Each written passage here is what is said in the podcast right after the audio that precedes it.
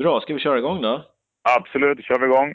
Välkommen till Snabbbanan, podcasten för alla nördiga simintresserade. Idag har vi besök av en av Sveriges absolut bästa långdistansgnetare och har väl det snabbaste loppet på 1500 de senaste 20 åren. Jonas Lundström, välkommen! Tack så mycket, tack så mycket!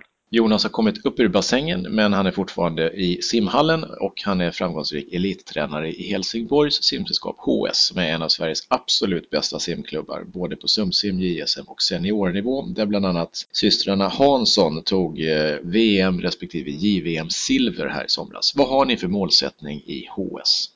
Målsättningen i föreningen är att vi ska fortsätta växa, vi ska kunna leverera en bra ungdomsverksamhet samtidigt som vi ska kunna ta hand om simmarna på toppen, de bästa våra elitsimmare. Mm. Och varför är ni så duktiga? För att ni lyckas ju faktiskt på de olika ungdom, junior och senior väldigt väl i dagsläget. Nej, jag tror att det handlar mycket om att vi sprider kompetensen genom vårt gruppsystem. Oftast i många föreningar så sätter man den som har mest kunskap högst upp. Här har vi sex stycken anställda coacher som är placerade genom hela systemet och det gör ju att kvaliteten säkras upp och det blir bra. Och är det något annat än det som du tror att ni gör annorlunda mot andra föreningar? Sen har vi fördelen om att äga och driva vår egen arena så att eh, bantillgång och träningstider är flexibel, framförallt för våra elitsimmare. De kan i stort sett komma in eh, hela dagen från 6.30 på morgonen till eh, 21.30 på kvällen. Och det gör det att man kan ha helt andra individuella upplägg som funkar. På många andra ställen kanske man får liksom ha en fight mot motionärer, men den situationen har vi inte här, så det är en jättefördel. Och när man pratar om träning för eliten, hur mycket tränar ni simning och hur mycket tränar ni annan typ av eh, träning? Alltså vi har ju, det är svårt att säga det här också individuellt, men vi har ju en bra bas när det gäller landträning och styrketräning. Styrketräningspass som vi genomför, det tar ju någonstans runt två timmar. Så att styrkepassen som vi gör två till tre gånger i veckan är helt frikopplade från simningen. Det ligger som ett isolerat pass den eftermiddagen eller den förmiddagen. Och vad är den största skillnaden hur ni tränar i dagsläget jämfört med när du var aktiv för en, cirka 20 år sedan? Alltså när jag var aktiv för 20 år sedan, då handlade det mycket om att köra långt, hårt, jämnt. Nu tycker jag i alla fall att vi har en helt annan periodisering i det vi håller på med. Det finns eh, en helt annan tanke om återhämtningsperioder och en pulsering i träningen som den senaste forskningen tyder på att det är det absolut bästa sättet att göra det på.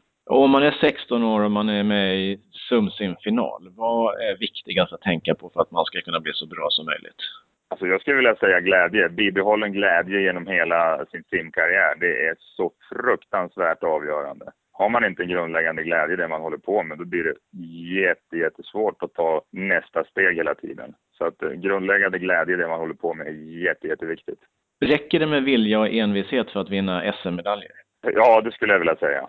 Absolut, visst gör det det. Då kan man ju vara lite klok och sätta sig ner och kolla på SM-programmet och se vilken distans som man måste ha minst fina poäng för för att ta medalj och sen lägga upp en strategi utifrån det. Och i dagsläget när man tittar på det, är det mest långa, jobbiga lopp eller är det andra lopp som man har störst chans på i så fall? Ja, men är man vältränad, då är inga lopp jobbiga. Så jag skulle vilja Nej. säga att det är framförallt ja, 1500 frisim herrar, 1500 frisim damer, till viss del 200 fjäril herrar. Eh, där finns det en enorm potential. Dagens tips till dig som är ung och vill plocka SM-medaljer, träna hårt, periodiserat och satsa på 1500 fritt alltså. Ja, det kan man säga om man ska generalisera det. Ja. Eh, har du någon tränare som du ser som förebild eller inspiration och som du tittar och lyssnar och lär av? Alltså, I och med att jag får förmånen att vara ute på internationella mästerskap med jämna mellanrum och där tar man åt sig allting som man ser och hör och suger åt sig av all information som, som händer och sker. Så att eh, jag kan inte säga något specifikt, men det är väl liksom summan av allting som man får ta in och bilda sig någon slags egen teori och uppfattning om. Om man pratar internationellt, hur står sig svensk simning? Vad är vi bra på jämfört med andra länder, tror du? Jag tror att vi är bra på att bygga, bygga en bra atmosfär runt framförallt lagkapslag och det har vi en bra tradition av att ha kunnat gjort genom många år. Och jag tycker att den traditionen har återupptagits igen, framförallt med framgångarna på VM här nu i somras i Kazan. Eh, väldigt positiv energi ifrån lagkappen. Man vill vara med, det finns potential och där tror jag att vi är väldigt duktiga i Sverige. Vilken roll spelar nationella elitcentret i Stockholm för svensk simning? Jag tror att det spelar en avgörande roll, framförallt om man är från Stockholmsregionen och baserad där och känner att man vill tävla och träna i en miljö som är en högre konkurrensmiljö. Så jag tror att det är jätte, jätteviktigt. Om man ser det runt om i världen, det finns ju, alla de ledande länderna har ju ett sånt centra eller några sådana centra på ett eller annat sätt. Så att jag tror att det är av största vikt. Men jag tror dock inte att det är för alla. Men för de som vill, absolut. Vilka passar det inte? Ja, det är svårt också att generalisera, nu använder jag det ordet igen, men jag tror så här att för det första ska man ju vara eftergymnasial och det finns ju ett krav på det. Va? Det tror jag är det viktigaste. Man, man ska vilja vara där till 110 procent. Det tror jag är de viktigaste faktorerna. Sen finns det liksom alltid de som inte passar in i en modell eh, och vill ha ett mer individuellt upplägg och då kanske man inte ska söka sig dit. Hjälp utifrån, och då pratar jag inte simhjälp och liknande utan mer fysiologi, näringslära, nutrition och liknande. Hur jobbar ni med det i HS? Vi har ju ett team som vi kan ta del av. Vi har ju en idrottspsykolog kopplad till oss vid behov. Vi har fystränare eh, vi har dietister, allt sånt där finns runt omkring eh, i ett resursteam kan man säga. Så vi har försökt kopiera lite grann SOKs modell med resursteam fast på lokal nivå. Eh, samma sak med fysio för massage och behandling och allting sånt. Eh, så vi, jag försöker liksom, eller vi försöker skapa team runt de aktiva. Ett resursteam som man kan ta del av när behovet uppstår. Lagkassen letar efter föreningar att sponsra. Ja, föreningar att ge pengar. Pengar som de kan göra vad de vill med. Åka på läger, minska terminsavgifterna eller vad ni nu vill göra. Lagkassen ser till att du som förening tjänar mer pengar än någonsin innan. Prata med Lagkassen. info.lagkassen.se Maila dit så hör de av sig till dig. Och vad finns det för fördelar med att simma i Helsingborg om man vill bli världsklassimmare? Ja, just nu så har vi en bra elitträningsmiljö. Det enda nackdelen för vår del är att vi inte har någon 50 meters bassäng på, på årsbasis. Va? Utan då får vi pendla ner till Lund eller till Burlöv eller till Malmö. Eh, men just miljön är av yppersta klass när det gäller resurser runt omkring. Vi har gym vägg i vägg, eh, platstillgång i bassäng, alla teknikaliteter med filmning, startpallar. Allting är ju en elitinriktad miljö om man ser på ett lite större perspektiv på svensk simning så eh, den absoluta världstoppeliten i dagsläget är flest tjejer. Eh, killarna kommer lite underifrån. Varför tror du att det är flest tjejer och inte så många killar på den absoluta världselitnivån? Jag tror så här att Sverige är ett litet land. Vi har eh, 9,8 miljoner invånare. Vi har en begränsad genbank. Det kommer att gå i cykler. På 90-talet när jag var aktiv, då var det killarna som var i framkant med Anders Holmers och 4x2-lag. Jag tror också att det är viktigt att man har en världsstjärna som Sara Sjöström, för det genererar ju också att lagkapperna blir fruktansvärt bra och det får en spin-off-effekt. Och just nu på killsidan så, så ser det lite tunnare ut på, på seniorelitnivå, men vi vet ju också att underifrån så kommer det riktigt duktiga killar, framförallt grabbarna från Jönköping där som ligger väldigt i framkant. Just det. Är det någon fråga som du tycker att jag borde ha ställt här som jag har missat? Nej, det är det inte Ola, du är påläst som vanligt. Tack Jonas. Vem tycker du att jag ska intervjua? Ja, jag skulle nog vilja säga Sten Williamson faktiskt, ifrån vår egen organisation, just när det gäller ja. land och fysträning. Stene Williamson är på listan. Bra, det låter bra. Ja. Tack Jonas Lundström. Tack, tack. Nu har vi lyssnat på chefstränaren Jonas Lundström. Nu är det dags för klubbchefen Henrik Klevedal. Kloka tankar från Helsingborgs simsällskap. Lyssna! Då fortsätter vi här på podcasten Snabbbanan, vår serie där vi pratar med sportchefer för svenska simklubbar. Eh, och nu har turen kommit till Skåneklubben Helsingborgs simsällskap. Välkommen Henrik Klevedal. Tack ska du ha Ola. Varför tror du att eh, du är intressant att prata med? Eh, jag tror att vi är intressanta för att vi är en av de större simföreningarna i Sverige just nu och vi har skördat en del framgångar på senare år både på ungdoms-, junior och seniorsidan. Stämmer bra. Och som ni kan höra på dialekten så är det väl inte riktigt så att Henrik är native från Helsingborg utan han har en simbakgrund från Östergötland där han har simmat fort som tusan på framförallt medley. Strax över 4.20 tror jag det var på 400 medley, stämmer det? Ja, kortbana 4.21 när jag representerade Norrköping. Eh, och för er som inte vet om det så är ju Henrik också numera en mastersimmare och har uttalat sig att han ska simma väldigt fort på 200 ryggsim om ett halvår. Ja, jag tyckte det var lite kul och jag behövde lite motivation i min träning. Så även om jag inte har simmat på några år nu så kände jag att eh, när vi ska ha Masterchessen på hemmaplan här då i Helsingborg i maj, att det kunde vara roligt att faktiskt ställa upp själv. Om man börjar innan vi går in på Helsingborg som förening där, mastersmässigt i Helsingborg, hur jobbar ni med det? Eh, det är en del av våran eh, vuxenverksamhet som vi har här.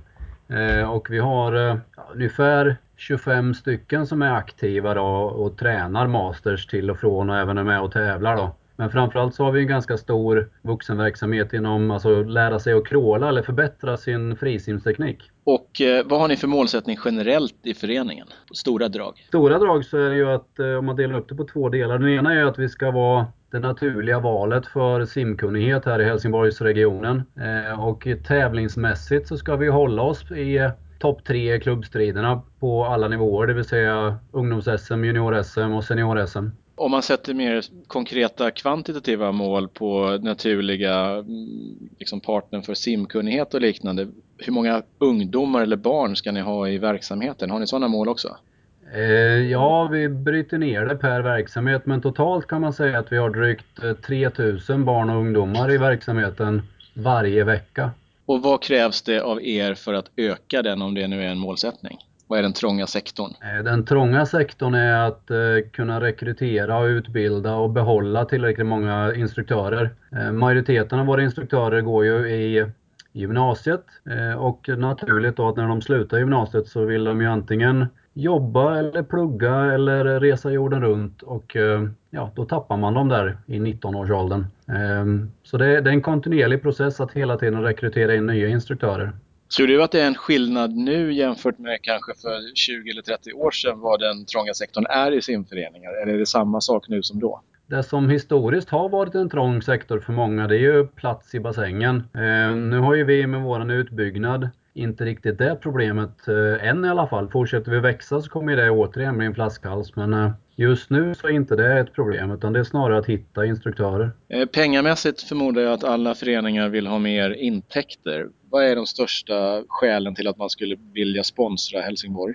Ja, alltså rent lokalt så är vi den, den största idrottsföreningen här i, i Helsingborg med nästan 6000 medlemmar. Så det är väl det första skälet att man kan nå ut till en ganska stor målgrupp eh, på ett bräde. Sen är det väl många som sponsrar kanske för att då associeras med eh, framgångar och elitverksamhet och eh, där har vi ju nått otroliga framgångar tycker jag de senaste fem åren då i allt ifrån SumSim för ungdomar upp till SM och även då internationella medaljer. Eh, och det är väldigt positivt samtidigt som simning generellt är en eh, förhållandevis dopingfri sport och eh, vi har inte några huliganer som springer omkring på läktarna när vi arrangerar tävlingar och så.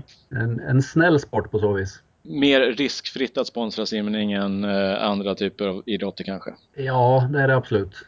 Vad ser du att ni är duktiga på jämfört med andra klubbar i Sverige? Eh, vi har en, en fantastiskt eh, stark organisation just nu där eh, vi då dels har en simskoleansvarig i Lena Andersson Stenqvist som jag tycker då tillhör en av Sveriges bästa på det området. Hon lägger ju basen för vår verksamhet och sen Sen har vi ju en tränarstab som, om man får sticka ut hakan då, tillhör en av Sveriges bästa att agera under samma tak. Alltså vi har just nu sex stycken tränare som alla har en gedigen eh, erfarenhet och utbildningsnivå. Eh, och det är klart att den, den gruppen ger otroligt bra förutsättningar för att kunna utveckla verksamheten. Och tittar ni någonting på inspiration från utlandet vad gäller att driva simklubb? Finns det sånt att titta på? Eh, ja, vi, vi diskuterar det då och då och ibland så åker ju några av oss iväg då på konferenser eller studiebesök för att se liksom hur det funkar på andra ställen. Men eh, man ska inte heller blunda för det som sker i Sverige. Det finns eh, många andra föreningar som är väldigt duktiga här också eh, och som vi ibland åker och hälsar på eller de kommer till oss och så har man diskussioner då kring ja, verksamheten eller personalfrågor och så vidare. Och vilka delar är det i er verksamhet nu som du känner att ni kan lära er mest av från andra föreningar? Ja, det som vi diskuterar mest det är nog kring eh, dels hur man hanterar elitsimmare eh, med de förutsättningar som behövs för elitsimmare. Eh, sen pratar vi ganska mycket nu om integrationen utav till exempel nyanlända svenskar eller att bereda plats för, för handikappsimning inom befintlig simverksamhet. Och det, det är rätt spännande områden. Om man pratar lite elitverksamhet här, ska man stanna i Helsingborg om man är 19 år gammal och satsar på simning eller ska man bege sig till USA eller Nationella elitcentret i Stockholm? Eh, ja, vi vill ju gärna att de stannar här och eh, det vi jobbar väldigt mycket på nu det är att ge förutsättningar för elitsimmare efter gymnasiet. Eh, vi har väldigt bra samarbeten och program via högstadiet med en skola och sen via gymnasiet med ett sånt här NIU-utbildning. Eh, men sen när man då kommer förbi där, då måste man hitta antingen samarbeten med universiteten som i dagsläget eh, i princip är obefintliga. Eller då samarbeten med företag där simmaren kan få Eh, praktikplats eller arbeten som då är planerade utefter träningen. Och det, är, det är lättare sagt än gjort men det är en förutsättning för att det ska lyckas. Lyckas man lösa den biten så har vi bra förutsättningar här med en, en bra träningsmiljö, eh, som jag sa tidigare, väldigt bra tränare, en bra organisation, eh, så på så vis är det jättebra. Det vi saknar är ju en, en 50 meters bassäng att ha tillgång till till en större del av året istället för att ja, slutet från maj till ja, mitten augusti någonstans. Det är alldeles för kort tid egentligen. Och de här företagskontakterna eller skolsatsningarna efter gymnasialt, är det någonting som ligger nära förestående eller är det långsiktigt? Eh, nej, det, det ligger för, ganska nära. Det här med universiteten har vi till och från försökt att lobba för. Då. Det, Eh, det finns ett campus Helsingborg som tillhör Lunds universitet. Eh, där har vi inte nått några större framgångar eller eh, gått igenom med någon person där än så länge. Men nu har ju RF börjat utveckla ett koncept tillsammans med eh, bland annat Tekniska högskolan i Stockholm och med Chalmers i Göteborg. Och förhoppningsvis kan väl det där sprida sig även ner till Skåne så småningom. Eh, däremot på arbetssidan så, så har vi ett exempel nu när Kristoffer Kassén då jobbar hos Bravida eh, och han har då anpassade arbetsförhållanden till, som, så att han kan klara träning och tävling. En reklampaus snabbare än 25 max. Snabbast pengar och lättast pengar till din förening. Hur får du det? Jo, det borde du veta vid det här laget. Prata med Lagkassen. De älskar att hjälpa föreningar, speciellt simföreningar. Hej! Elitsatsning och toppning av lag pratar man jättemycket om vad gäller framförallt lagsporter. Mm. Är det en issue inom simningen också tror du? Inte lika mycket eftersom simning till stor del är en individuell idrott så kan man ju alltid tävla mot sig själv och mäta sin egen prestation. Du kan ju slå ett personligt rekord och ändå komma liksom på 17 plats och det kan vara en bra insats. Eh, för att det är det bästa som du själv har gjort den perioden. Så att vi toppar ju inte på så vis. Det kan ju dock förekomma till exempel i lagkapper när man ska välja de fyra snabbaste till, till det första laget. Eh, men då går man ju direkt på då vem som har bästa personliga rekorden till exempel på 100 frisim för att plocka ut ett frisimslag. Eh, så det finns ju väldigt sällan någon form av subjektiv bedömning sådär eller favorisering i, i den uttagningen. Så det är, Visst, det förekommer lite men det är inte ett lika stort problem som det är kanske då i, i fotboll eller hockey. Eh, om man tittar ett steg uppåt kan man väl kanske säga i hierarkin, Svenska simförbundet. Hur ser ni att deras roll är? Vad ska den vara? Jag tycker framförallt är det ju att ha en fungerande landslagsverksamhet på, på alla nivåer. Då, från ungdom till junior, senior. Eh, så att våra simmare kan få komma ut och och tävla internationellt. Eh, dels på kanske då internationella tävlingar men framförallt då på mästerskapen. Eh, sen har väl simförbundet en, en roll att nationellt försöka göra lite PR för, för simning och simkunnighet. Eh, liksom sälja in det här konceptet svensk simidrott som de jobbar på nu. Eh, och sen eh, Sen tycker jag det är viktigt att, att simförbundet finns som ett stöd till föreningarna. Eh, det kan vara allt ifrån eh, ja, utbildningsprogram, det kan vara stöd i, i upphandling utav drift eller nya anläggningar. Eller stöd till exempel som nu när vi ska arrangera SM här, va? att man har förbundet som ett, eh, ett bollplank i de frågorna. Men att förbundet finns till för föreningarna. Och vad är ditt råd till de som ansvarar på förbundet om det är någon förbättringspunkt där du tycker att här kan vi faktiskt bli bättre inom svensk simning från simförbundets sida?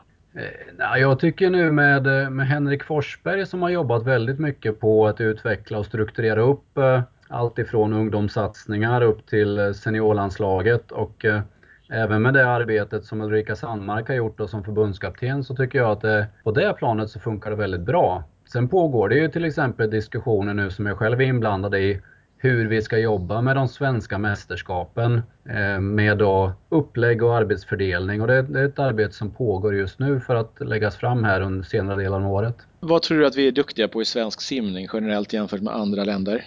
Ja, det är svårt att jämföra. Jag har inte så jättemycket erfarenhet egentligen av internationell simning mer än college-simning i, USA.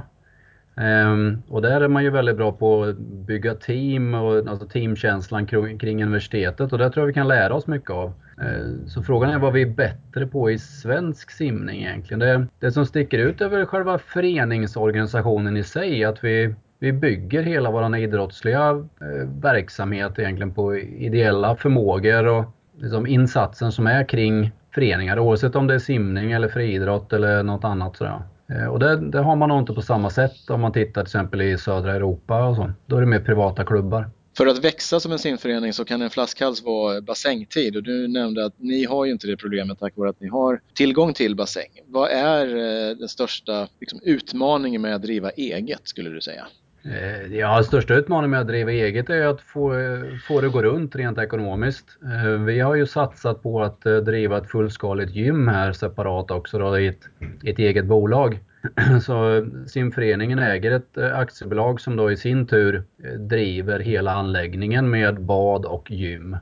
Och utmaningen är ju att det där konkurrerar man ju med andra privata aktörer precis som vilken annan som helst och man måste få det där att gå runt. Då. Eh, nu har vi som tur är en väldigt bra organisation på den sidan också och de gör det exceptionellt bra tycker jag. Ser man till en simhall i sig så är ju inte det, det finns ingen ekonomi i simhallen i sig. Eh, och då måste man ju ha annan verksamhet eller stöd till exempel ifrån eh, kommunen då i de frågorna. Skulle du rekommendera andra simföreningar att eh, ta över entreprenaden själv? Eh, ja, om man, man, får döma av hur vi har lyckats så skulle andra lyckas lika bra så är det absolut jätte, en jättemöjlighet att göra det. Men det är klart, det är ju det är en risk eh, som kommer med det också. Mm. Vem tycker du jag ska intervjua i den här simnördiga podcasten Snabbbanan?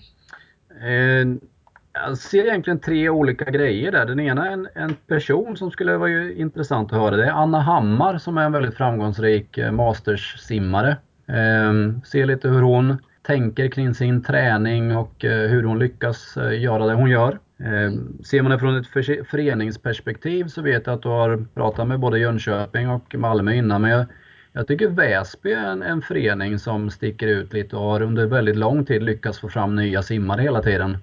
Eh, så det, det tror jag skulle bli jätteintressant. Och spinner man på det här med öppet vatten så skulle jag i alla fall tycka det var kul att höra till exempel Vansbrosimmet eller Göteborgssimmet om hur de har utvecklat sina arrangemang och vad de ger för tips till de som tänker ge sig på då antingen då, 1000 meter eller 3000 meter i öppet vatten. Bra tips från eh, Henrik Kleverdal. Och eh, hur snabbt simmar du 200 rygg i Helsingborg på Masters-SM eh, våren 2016? Jag gör 2.18 där. 2.18. Snabbbanans tips är att Henrik gör 2.14.75. Jag har hö högre tro på dig än du själv har. Ja, det är bra. Henrik Kleverdal, sportchef Helsingborg. Tack så mycket. Tack så Snart är det Open Water Triathlon Swimrun-säsong. Ja, inte snart, men eh, det kommer, den kommer. Du behöver ha snygga och bra simprylar, eller hur? Tyrsverige.se är vårt tips. Gå dit och shoppa loss. Simon Sjödin simmar ju fort och han simmar i Tyr.